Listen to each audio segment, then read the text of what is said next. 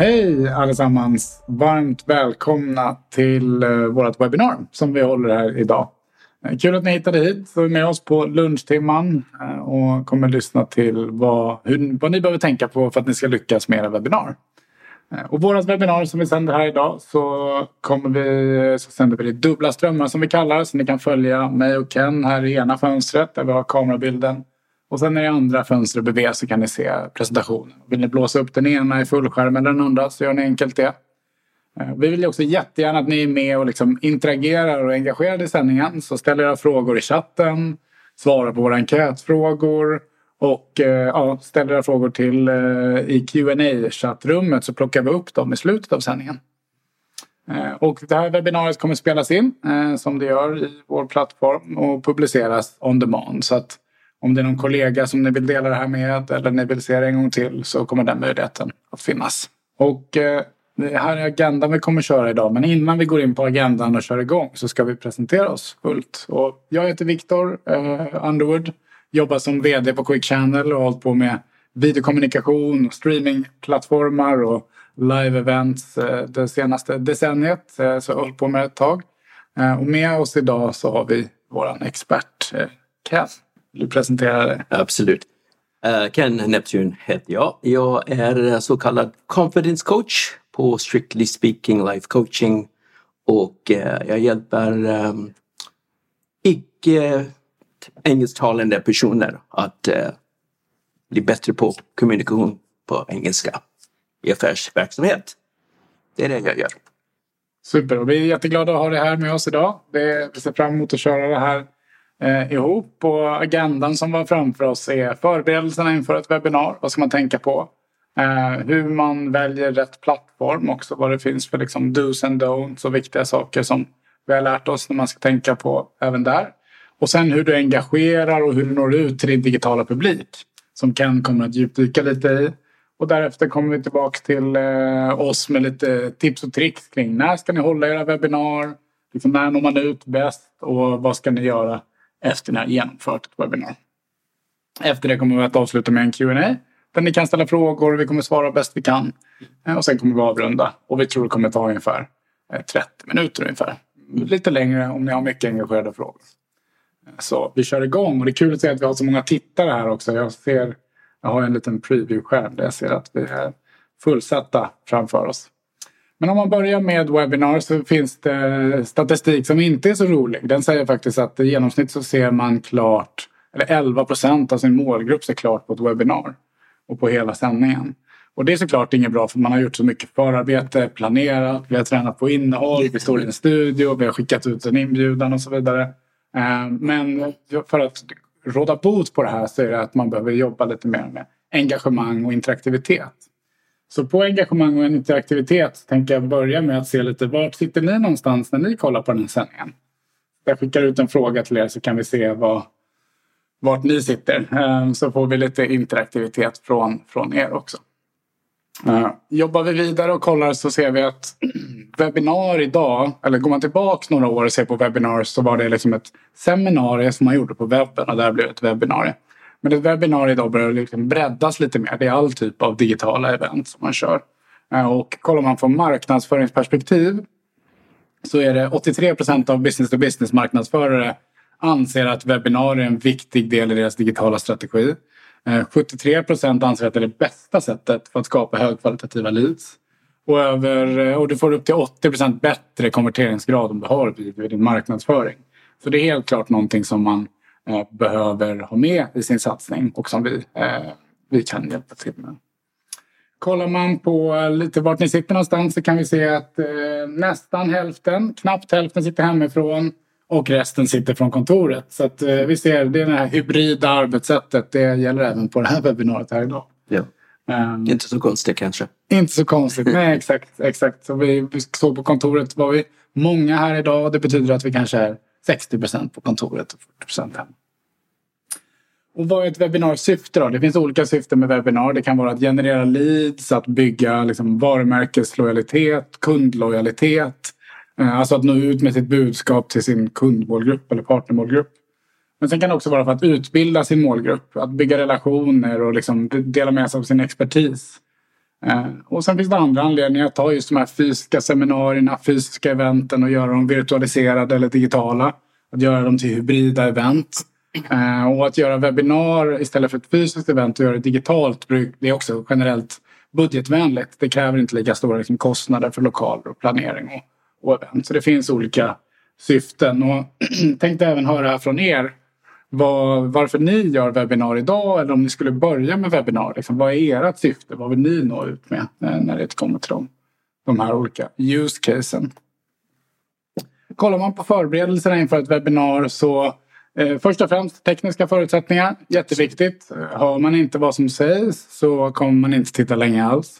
Ser man inte vad som sägs så kanske man tittar li lite men inte länge heller. Så att det viktiga när det kommer till ljud och bild det handlar om ljud, mikrofon. I den här setupen idag står vi i en studio på vårt kontor. En liten enklare studio där vi har en mikrofon som är precis utanför bild här som fångar upp vad vi säger. Och sen när det kommer till kamera och video så handlar det om eh, vad man har för typ av kamerautrustning. Och sen är ljus väldigt viktigt. Att det är bra ljus för då ger man kameran en ärlig chans att ge en högkvalitativ återspegling av eh, innehållet. Och hur går man tillväga om man ska göra ett webbinar? Vad krävs och hur gör man? Och idag finns det många olika sätt att göra det. Eh, om man börjar, går höger till vänster så har vi studio eh, som vi står i idag. Då har vi en kamera och mick och sånt förberett så det är enkelt för oss bara att gå in och boka och streama live här till er. Sen kan man använda videokonferensutrustning eh, och använda den videoutrustningen för att spela in och streama. Så blir det liksom videokonferensrummet blir som en studio. Eller sist men inte minst webbläsare. Alltså idag är det så pass enkelt att du kan bara logga in och välja kamera, mick och presentation, starta en inspelning eller en livesändning. Vart man än är ifrån. Och man behöver inga programvaror installerade. Så, så det är ganska enkelt. Så eh, hur man skapar ett webbinar idag det finns det egentligen alla möjligheter så länge man har en enhet med internet kan man säga. Eh, men sen beror det på vad man har för typ av funktionskrav eller kvalitetskrav då, som avgör utrustning och så vidare. Och sen har vi typ av webbinar. Eh, där pratade vi lite om du och jag in, inför det här med liksom fake live är ett lite nytt fenomen. Som ja, precis. Jag har aldrig hört talas om fake live. och det gör vi inte idag. Vi är live live här då. Så vi kör live webinar. Vilket betyder att vi, ja, vi står och kör live med er här just nu. Uh, fake live eller live on tape är någonting som vi ser växer. Eh, och det betyder att man gör en förinspelning eh, av ett material mm. och sen så streamar man det som om det vore live. Så man svarar på frågor i chatten och liknande men det är egentligen en förinspelad version. Yeah. Lite som när man kollar på live-nyheterna men de visar ett reportage. Typ. Precis. Ja. Så samma typ av tänk. Och det som är bra med fake live eller live on tape det är att om man är eh, vill vara väldigt noga med att varje ord blir rätt, till exempel en kvartalsrapport eller liknande, kan det vara bra att köra det. Och sen har vi on-demand webinar det tycker jag man inte ska, inte ska glömma. Man tänker oftast webinar live och man återigen gör allt planeringsarbete, innehåll, teknik, när och var, nå ut till sin målgrupp. Och sen kör man det live i 30 minuter och sen är det borta. Eh, men här vill jag slå ett slag för on-demand, att man spelar in det och gör det tillgängligt i efterhand. För då ökar man livslängden på sitt event och kan nå ut till många fler tittare. Eh, vilket gör det både mer kostnadseffektivt och det gör att du når fram till hela din målgrupp. Oavsett om det är internt eller externt. Eh, så att jag tänkte jag vill även höra det här från er med vad, vad ni föredrar för webbinar. Så det blir intressant om det är några som tycker fake live här eller inte. Sen när det kommer till själva innehållsplaneringen så är det otroligt viktigt. Alltså har ni ett bra innehåll så kan ni locka fler tittare och nå ut till er målgrupp. Eh, är det gästtalare som vi har idag, en expert inom ett område som vi har Ken som confidence coach. Då har vi med han och pratar för att liksom ge ett mervärde som vi gör idag. Och det är tipset till er. Ska ni prata om något ämne, ha med någon expert inom er organisation eller någon utifrån så blir det liksom lite mer dynamiskt. Ja. Uh, Informativa kan de vara, utbildande eller att de är liksom mer av ett erbjudande och kommersiell karaktär också. Och det är bra att bestämma vad är det för typ av profil på eventet ni ska köra innan ni kör igång. För då kan ni anpassa innehåll till det. Och sen har vi förberedelser inför ett webbinar. Eh, viktigt är att ni når ut till er målgrupp. Eh, när, eh, att ni marknadsför till ett event. Som vi skriver längst ner här så har vi gjort det väldigt tydligt inom Quick Channel att vi har ett webbinar idag. alla känner till det, alla pratar om det, man delar det i sina sociala medier så att vi får så många tittare som möjligt. Du var aktiv och kontaktade din målgrupp och ditt nätverk. Yes. Eh, som vi har några tittare med oss här idag eh, och, och som är med och tittar. Men sen har vi även jobbat med eh, CRM och e-mail så vi har bjudit in er till det här eventet via e-mailutskick. Vi har publicerat på sociala medier och vi har även jobbat med annonsering på sociala medier som LinkedIn till exempel. Och sen har vi gjort en landningssida som är enkel att signa upp på, på vår hemsida. Så det är så vi har gjort det och det är lite best practice hur man lägger upp det idag. Att man jobbar med just flera olika kanaler för att nå fram till sin målgrupp. Eh, och då är vi såklart nyfikna på att höra hur har ni nått ut till eh, våra, eller hur har ni hittat hit idag?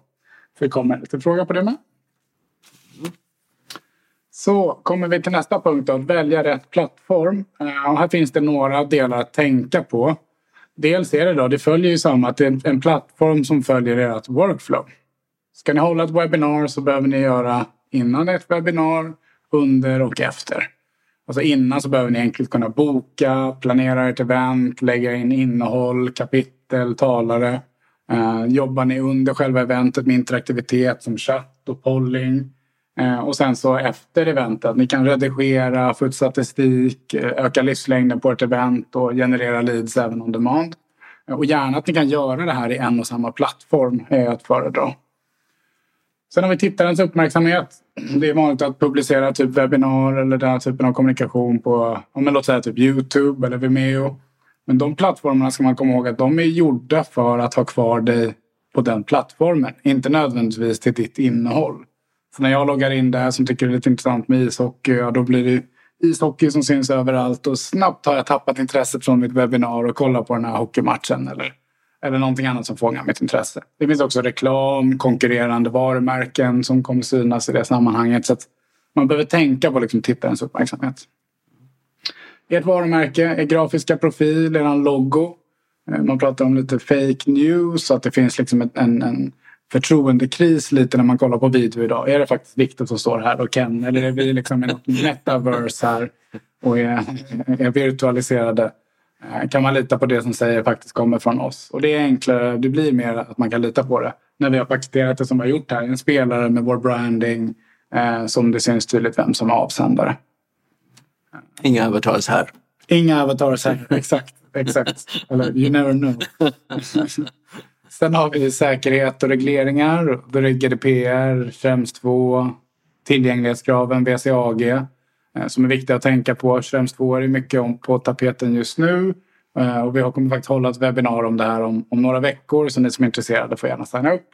Ehm, så att, eh, men det är viktigt att man tänker på de delarna, de legala delarna, att man uppfyller kraven.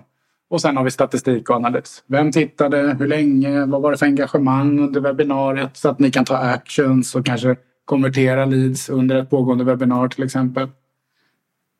Så det är lite att tänka på när ni väljer plattform. Mm. Eh, men nu lämnar jag över ordet till, till dig Ken. Hur når man ut då? Och genom linsen? Ja, det känns lite, Viktor, som du har redan nämnt allting. så jag vet inte mycket vad jag ska komma med. Ehm, vi säger så här, eh, det finns eh, många sätt att nå en digital Eh, publik. Men eh, jag är en stor fan av eh, less, is, less is more. Så uh, jag har några punkter som jag tycker är, är ganska viktigt att, uh, att tänka på. Först och främst, vad är syftet med, med webbinarium? Uh, du har nämnt utbildning, vad var det mer? Um, information och, och, och så vidare. Så vi börjar där. Eh, vad är syftet med, med, med webbinarium?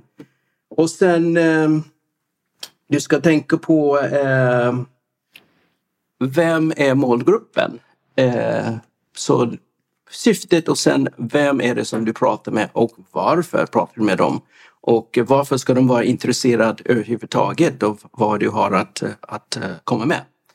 Så att säga. Eh, så det var, det var någonting. Eh, och sen, eh, det finns som sagt ganska vanliga nu för tiden saker som alla gör, tror jag. Eh, det vore en intressant fråga att få veta hur många som tittar på som använder webbinarium idag. Det är, det, det vi skulle gärna få veta det. Hur många, hur många är, använder webbinar, webbinar idag? Eh, I alla fall, så eh, intressant content, interesting content. Eh, eh, det, det, är en del av, eh, av eh, receptet också. Eh, och man kan nå ut genom att eh, ha video, videoklips, korta sådana, där man, där man pratar om, om uh, vissa saker eh, av intresse med förhoppningsvis eh, innehåll som är intressant för, för uh, publiken. Och sen eh, är det klart, eh, media kan man inte komma ifrån. Eh, det finns olika sätt eh, att använda sociomedia. Ja, jag kommer så småningom att prata om hur, hur jag jobbar själv när jag kör eh, webbinar. Men eh, ehm, ja, det, det, känns som det, det, det är de som existerar idag. Vi, de är välkända. Vi känner till det förstås. Facebook och Instagram och, och Twitter och, eh, och det kommer fler. Nu har vi TikTok och vi har, vi har eh, Youtube. Men eh, vi, det beror på vem målgruppen är och hur du når bäst ut av dem egentligen, tycker jag. Och sen du kan också skriva om du har en blogg, du kan skriva blogginlägg om om innehållet på webbinarium till exempel, eh, att skapa intresse. Man kan också skriva artiklar om, om man är... Alltså, att skriva artiklar är inte någonting som passar alla. Eh, det är tidskrävande och för vissa är det enkelt, för andra är det inte så enkelt. Så, men eh, om du har tid och eh, ja, eh, talangen.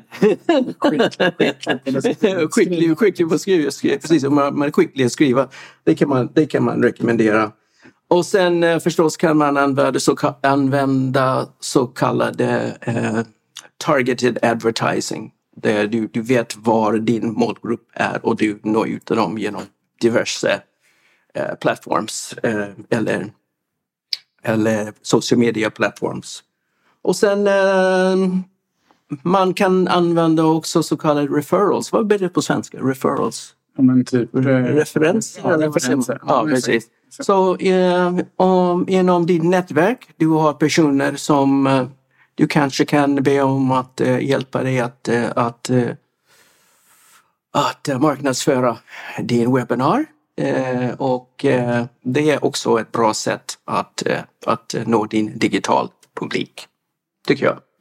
Ja. Ja. ja, men absolut. Jag håller med fullständigt. Och det går ju lite hand i hand liksom det här med att planera sitt innehåll, veta sin målgrupp. Det tror jag är nyckeln i det hela. Uh, och sen så just att nå ut till den målgruppen. Yes. Så. Ja.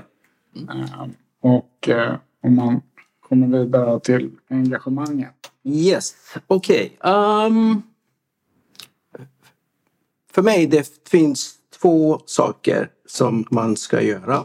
Och det är att nummer ett, man ska ställa frågor som vi gör nu till exempel. Ni som är här, vi ställer frågor eh, som vi vill, få, vi vill veta vad ni tycker. Eh, vad har ni för synpunkter och, och, eh, och så vidare.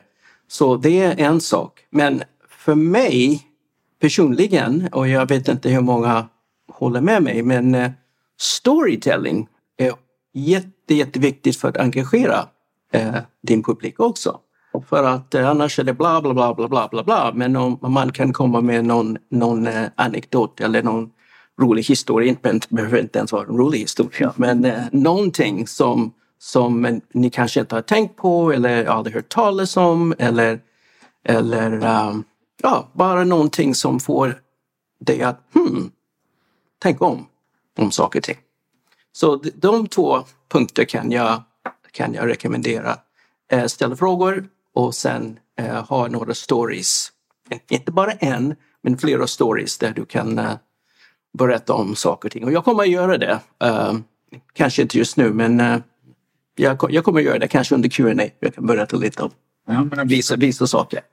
Och det är ju så, men det är en anledning till varför vi håller det här webbinariet idag. Det är lite att dela med oss av så här, vad ska man tänka på för ett webbinar. För att det finns ju trots allt ganska många grejer som kan gå fel. Man glömmer bort ljudet och mikrofonen. Eller man har inte skickat ut tittarlänken till sina tittare. Ja. Eller den spelas inte in så man bara råkar köra live och sen har man inte inspelning. Ja. Alltså det finns ju massa... Det finns alla möjliga scenarier. Exakt. Och jag har varit med om dem allihop tror jag. Ja, ja, jag har varit med om några stycken. Vi kan, jämföra anteckningar sen. Ja, det låter bra. Ja men super. Mm. Någonting avslutande du tänker på kring det här? Ska vi driva vidare? Um, uh, ja, uh, man ska säga här. Um, det är viktigt att framföra rätt budskap till rätt publik. Det skulle jag tillägga. Mm. Det är jätteviktigt att, att du, du pratar med, med rätt personer. På, syft, med, med tanke på syftet som du har för webbinariet. Och det är intressant när man kollar nu på liksom svaren vi har fått på frågorna här från er. Eh, så ser vi att det är ganska spritt. Både vart ni sitter och kollar nu då, men även vad er målgrupp eh, och target är. Om ni ska utbilda en målgrupp eller generera leads. Alltså om ni har marknadsföringsroll eller om det är mer kommunikationsorienterad roll. Och vi ser att live-webbinar eh, är det som alla tänker på mest, använder mest, föredrar. Men de andra två, Fake Live On Demand, ligger hack i häl. Så det är inget man ska glömma bort. Mm. Och eh, eh, hur ni hörde om det här webbinariet så är majoriteten av er har sagt e-mail. Men det har även varit några av er som har kommit in via både LinkedIn-annonsering och sociala medier. Alltså organisk delning. För det är också intressant att just det här flera mm, kanaler, det funkar ja. även här mm. när vi kör. Eh, och en majoritet av er har ingen webbinarplattform idag. Det är också ganska intressant. Så ja. det är många av er som ligger kanske i stadiet. Ja, det förvånar mig. Jag trodde att webbinar sedan covid-tiden har varit eh, mer och mer vanligt. Så jag är lite, jag är lite förvånad. Jag tror att de flesta har något videoverktyg. Men man kan köra ett stort Teamsmöte. Ja, ja, ja. Zoom-möte. Ja, ja, Och sen så tänker man att ja, det är typ som ett webbinar. Mm. Men sen så inser man att man har inte den funktionaliteten och kan inte nå ut mm. på det sättet mm. mm. som man önskar. Och så mm. letar man efter en riktig plattform. Mm. Ja, jag vet själv att uh, innan jag började använda webbinar, uh, jag har ett bakgrund som, som lärare av affärsengelska. Och jag har kört de sista två åren kurser på, på nätet och det är en, det är en inte riktigt en helt annan grej men uh, att ha en klass, klassrum med typ 25-27 personer. Det, ja, det, det är inte riktigt webbinar men, men man, man skapar en viss vana. Ja, exakt. Och det krävs en viss vana av att stå och prata in i linsen än att prata till er som om ni satt här framför oss också. Mm, precis, precis. Alright, men ska vi komma vidare så kikar vi lite på säkert. Vad är bästa tidpunkten för webbinar? när vi både kollar till liksom vår egen historik och kunskap som vi har byggt upp under de senaste ja, 20 åren som vi har jobbat med video på Quick Channel. Eh, men även om man kollar på de senaste rapporterna eh, så ser man att mitt i veckan är bäst. Mm. Tisdagar till torsdagar. Håller med. Måndagarna då är folk busy med uppstart. Fredag vill man wrap it up. Yep. Eh, så mitt i veckan och sen så är faktiskt mitt på dagen då så det är som tur är att vi har bokat det här mitt på dagen också så att vi följer rekommendationen. Men mellan 10 och 14. Eh, typ som vi gör idag, ett lite kortare webbinar som man kör på lunchen så kan folk ta en macka eller en sallad eller en, en burgare kanske och kolla på webbinariet. Mm. Och sen inte hålla det för långt. Nej, det, det är också viktigt för att man, man eh, vill inte uttråka folk heller. Man har sitt budskap men man ska inte prata för länge. Nej, exakt. Exakt. Nej, men det, så att vi försöker hålla oss här också. Vad har vi kört nu? 28 minuter och 55 sekunder. Står. Ganska bra. Eh, Vår livekontroll.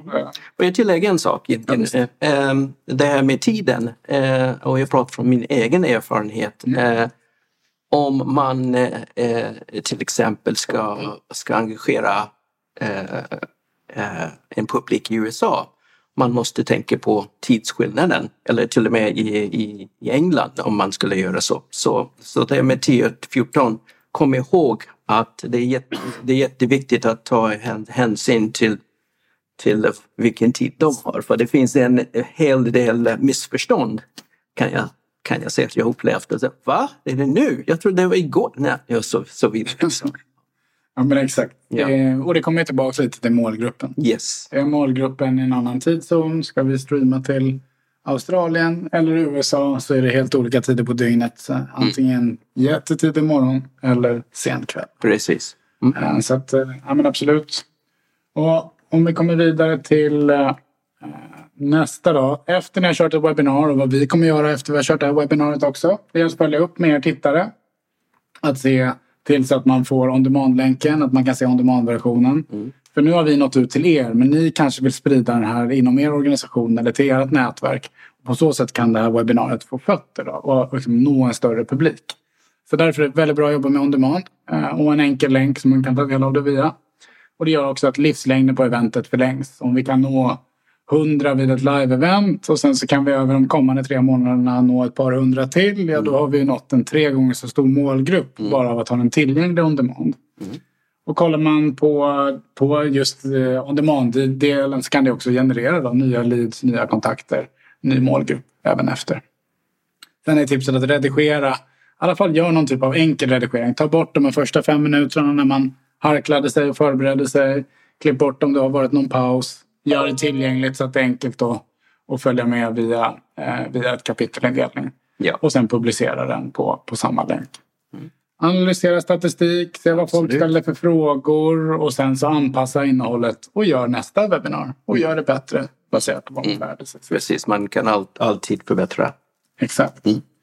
Och eh, skicka ut en sista fråga här. Vi har ju när vi kör det här webbinariet idag har vi dels en del eh, webbinar lined up som kommer här efter då med GDPR, Schrems 2, datasäkerhet. Och sen kommer vi att om tillgänglighet och VCAG när vi kommer till webbinar. Eh, och för er som vill komma igång och testa eller veta mer så kan ni, får ni gärna svara på frågan som vi skickar ut nu så kommer ni kunna komma i kontakt med oss också.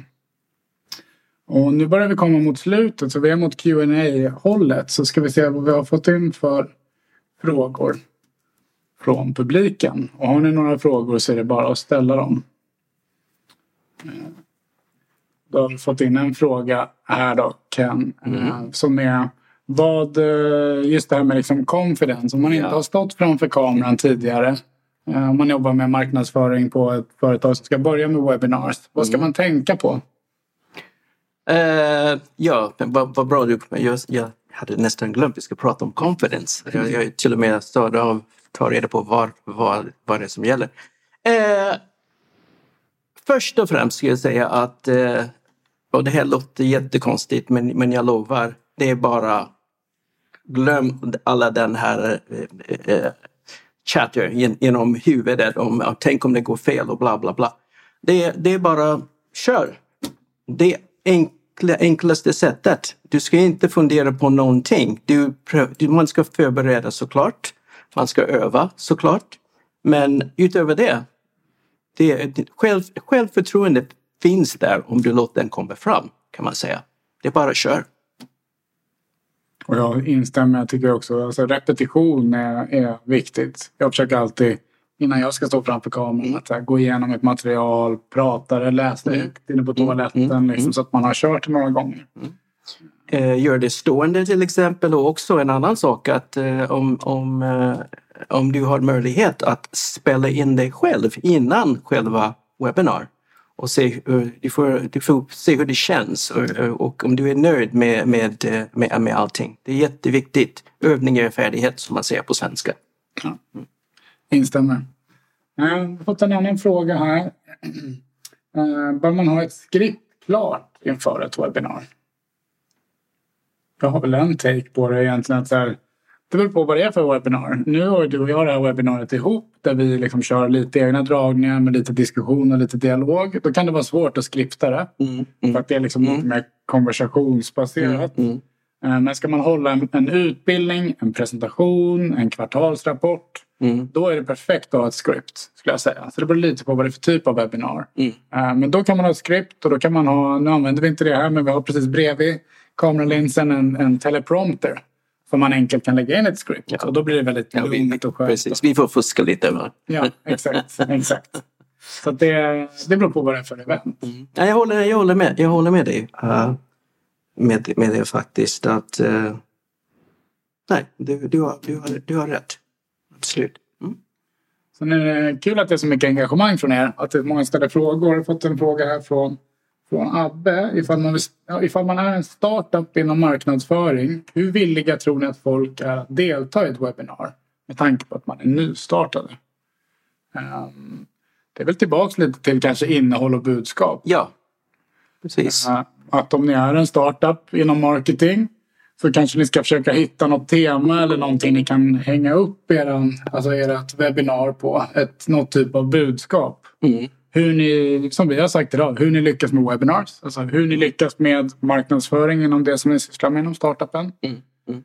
Gärna om det finns någon typ av liksom trend eller någon statistik mm. eller något man kan mm. knyta det till. Mm. Eh, och dela mer av era liksom, erfarenheter där ni står idag. Och en sak också att sätta dig själv i, i kundens uh, i kundens sätt så att, sätt, så att säga. Det, det, vill säga, det vill säga att tänk om det var, om det var du som var kunden. Mm. Vad skulle det här vara intressant?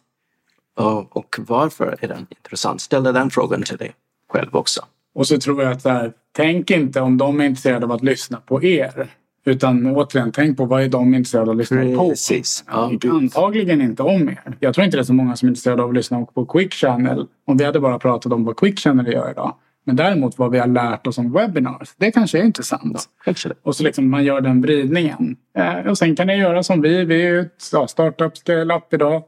Mm. Uh, och för att få locka fler publik så har vi med oss experter som kan. Det är ett annat tips. Att ta med någon från er bransch som kan vara med och prata. Eller en kund som delar sin erfarenhet. Mm, mm. Nu ska vi se, har vi fått in en fråga från Ted här. Vad är det viktigaste jag ska hålla koll på vid val av webbinarieplattform? Uh, och det finns flera saker att tänka på. Några av de punkterna vi tog tidigare. Men jag skulle säga det viktigaste är att det är rätt typ av plattform för ett ändamål. Det vill säga att ni vill hålla webinars. Uh, att det är att ni kan ha eran uh, kontrollera liksom tittarupplevelsen, branding, logo, att de kan se en presentation och att de kan se de som presenterar. Vi ser ganska många webinars där ute idag som är bara en presentation och sen en jätteliten bild på en talare. Mm. Och så är det liksom en powerpoint med siffror och så har man en röst där 13 procent, 15 procent. Det blir väldigt, väldigt tråkigt. Du tappar dina tittare direkt. Välj en plattform där du kan ha både se både de som presenterar och presentationen och att tittarna själva kan välja att blåsa upp de här olika. Mm. Och sen så som vi gör idag, alltså att det finns att man kan ha chatt och polling och enkätfrågor. Och att man kan följa upp vem tittade och hur länge. Mm. Det är jätteviktigt. Ja, jätte, ja precis. Det är jätte, jätteviktigt den där biten. Mm. Annars får ni inte ut något. Uh, annars är det som att ni skickar ut ert budskap i etern. Och det, då är det svårt att få ut ett värde av det. Så att, uh, det finns flera komponenter och är det någon av er som är intresserad av att höra mer just vad man ska tänka på gällande plattform då finns ju vi på Quick Channel självklart här. Så vi, vi kan svara på den typen av frågor. Jag tror att vi har tagit oss igenom de flesta frågorna här i, Fler frågor? i Q&A. Så jag får avslutande ta och säga stort tack Ken för att tack du kom med. Tack, jag fick vara med. Vara med. Ja, nöje. Tack till alla er som var med och tittade. Vi kommer såklart följa upp dem med både länk till on demand-eventet och lite material till er som har varit med och tittat här i efterhand. Och eh, ja, glöm inte att signa upp våra fortsatta event. Om ni är intresserade av att komma i kontakt med Ken kommer hans kontaktuppgifter också vara med i uppföljningsmaterialet. Så ha en fortsatt bra onsdag allihopa. Ha yes. det bra. Hej då. Tack.